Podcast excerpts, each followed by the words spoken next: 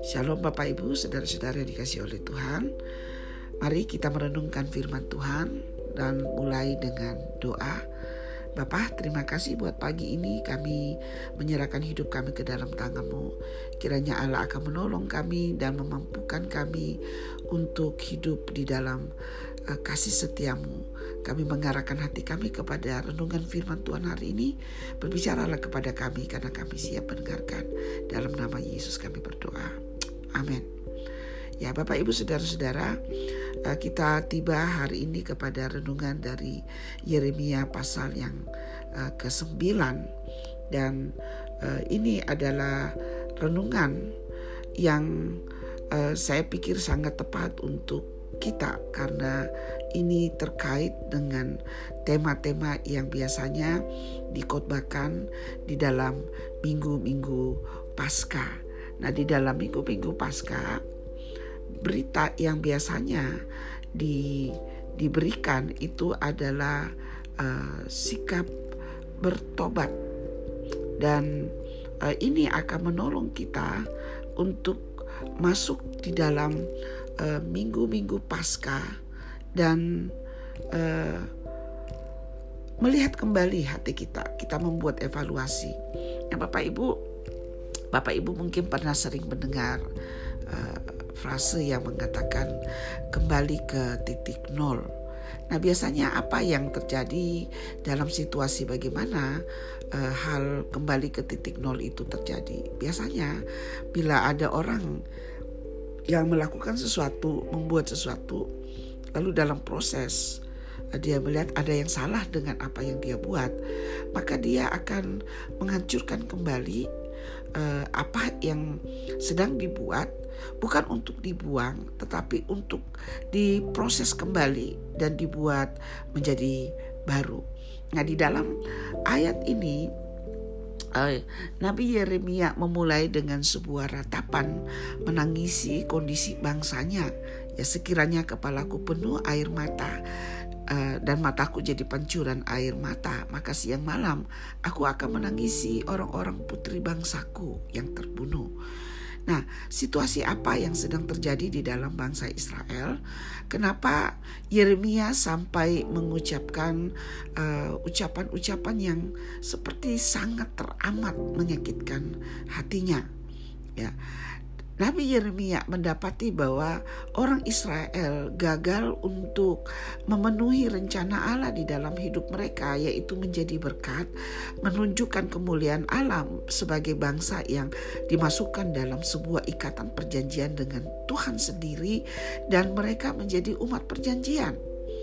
Oleh karena kejahatan lah sebenarnya yang ada di dalam bangsa itu, ya mereka dikatakan orang-orang berzina suatu kumpulan orang-orang yang tidak setia. Mereka penuh dengan dusta dan tidak ada kebenaran. Dan uh, mengapa tidak ada kebenaran? Mereka melangkah dari kejahatan kepada kejahatan oleh karena uh, Tuhan tidaklah mereka kenal. Mereka tahu Tuhan, mereka tahu Tuhan. Ya tidak mungkin orang Israel tidak tahu Tuhan. Mungkin siang malam mereka berdoa, mereka mungkin pergi ke bait Allah, mereka mungkin mempersembahkan korban bakaran. Tetapi Tuhan mendapati bahwa perilaku mereka tidak mencerminkan pengenalan akan Tuhan. Hanya secara teori mereka tahu Tuhan, tetapi mereka tidak kenal Tuhan. Apa arti kenal Tuhan? Kenal Tuhan adalah memiliki hubungan pribadi dengan Tuhan sampai kedalaman batin dan ada spirit, ada roh yang lekat kepada Tuhan. Ada kerinduan untuk terus mengenal Tuhan. Nah, ketidakpengenalan akan Tuhan ini merambah kepada pertama-tama kepada hubungan-hubungan terdekat. Dalam ayat 4 dikatakan uh, Orang tidak bisa dipercaya bahkan sampai kepada saudara. Saudara menipu, saudara memperdayakan kita, lalu teman memfitnah. Ya bagaimana bayangkan saudara kalau di dalam rumah kita suami kita adalah orang yang menipu kita atau istri kita atau anak-anak kita atau keluarga-keluarga kita yang terdekat. bukankah indah bila kita mendapati hubungan yang baik dengan keluarga kita?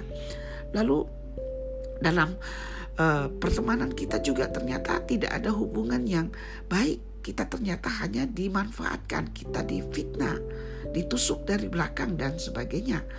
Dan ada yang dikatakan dalam ayat 5 seorang menipu lain dan tidak ada orang pun tidak seorang pun berkata benar. Mereka bibirnya dolak dali itu jadi kayak kebiasaan, membiasakan lidahnya untuk berkata dusta. Malas untuk bertobat, tidak ada keinginan lagi. Ya, tidak melihat apa yang salah, itu perlu diperbaiki. Mereka malah hidup menikmati itu. Ya, Bahkan kemudian kekerasan itu terjadi, penindasan ditimbun penindasan. Tipu ditimbun tipu. Kalau nggak puas menipu teman dekatnya, maka akan menipu yang lebih lagi. Ya kita sering mendengar penipuan online. Banyak yang menjadi korban. Dan itulah sebabnya Allah membuat keputusan dalam ayat 7. Sesungguhnya aku mau melebur dan menguji mereka, membawa mereka ke titik nol oleh karena mereka didapati gagal. Nah, Bapak Ibu, kita perlu sadar ya dalam hidup kita bahwa dalam proses kita menjadi anak Tuhan, kadang-kadang Tuhan harus membawa kita ke titik nol untuk memperbaiki apa yang salah sebelum apa yang salah itu rusak lebih parah dan tidak ada pertolongan lagi. Dan firman Tuhan hari ini datang kepada kita bahwa Tuhan pada waktu membawa kita kepada titik nol situasi yang uh, mungkin buat kita sulit untuk kita terima bukan untuk mencelakakan kita bukan untuk menghukum kita tetapi melebur kita menguji kita kembali dan membawa kita uh, membentuk kita kembali untuk sejalan dengan apa yang menjadi rencananya, yaitu kita menjadi milik kesayangannya. Kita akan membawa kemuliaan, kita akan menjadi saksi.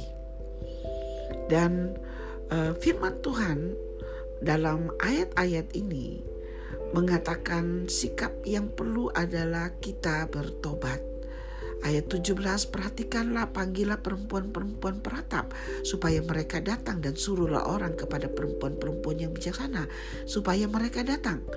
Biarlah mereka bersegerah dan meratap karena kita supaya mata kita mencucurkan air mata dan kelopak mata kita melelehkan air. Air mata bicara tentang pertobatan.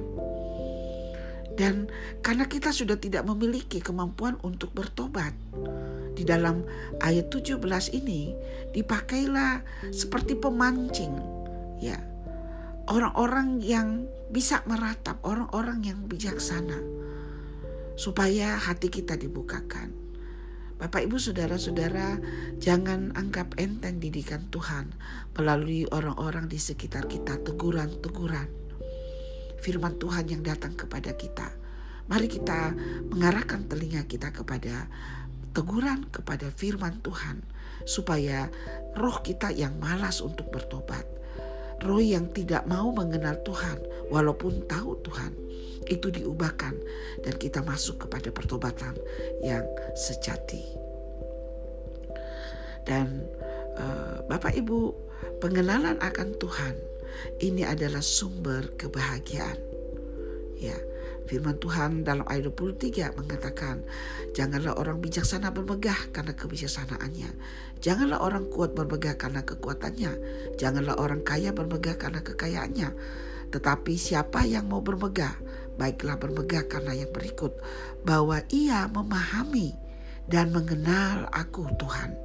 Bahwa akulah Tuhan yang menunjukkan kasih setia, keadilan, dan kebenaran di bumi. Bapak Ibu saudara-saudara, kiranya persoalan-persoalan yang datang kepada kita membawa kita bertobat, membawa kita keluar dari roh malas untuk bertobat dan membawa kita kepada pengenalan yang sejati akan Tuhan, memahami Dia. Jadi situasi yang sulit kita pakai untuk naik kelas dan melihat bahwa Tuhan itu setia dan adil dan kebenarannya adalah makanan yang terbaik bagi kita.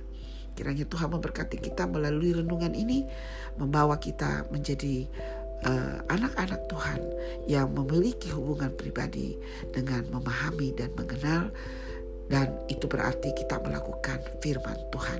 Tuhan memberkati Bapak Ibu. Mari kita berdoa. Bapak terima kasih untuk hari ini kami terus menyerahkan hidup kami ke dalam tanganmu. Kiranya Engkau menolong dan memimpin kami. Hati kami terarah kepada Engkau. Bawa kami kepada pengenalan yang lebih lagi kepada Engkau ya Tuhan. Terima kasih Tuhan akan terus menolong kami. Di dalam nama Yesus kami berdoa. Amin. Selamat pagi, Tuhan memberkati.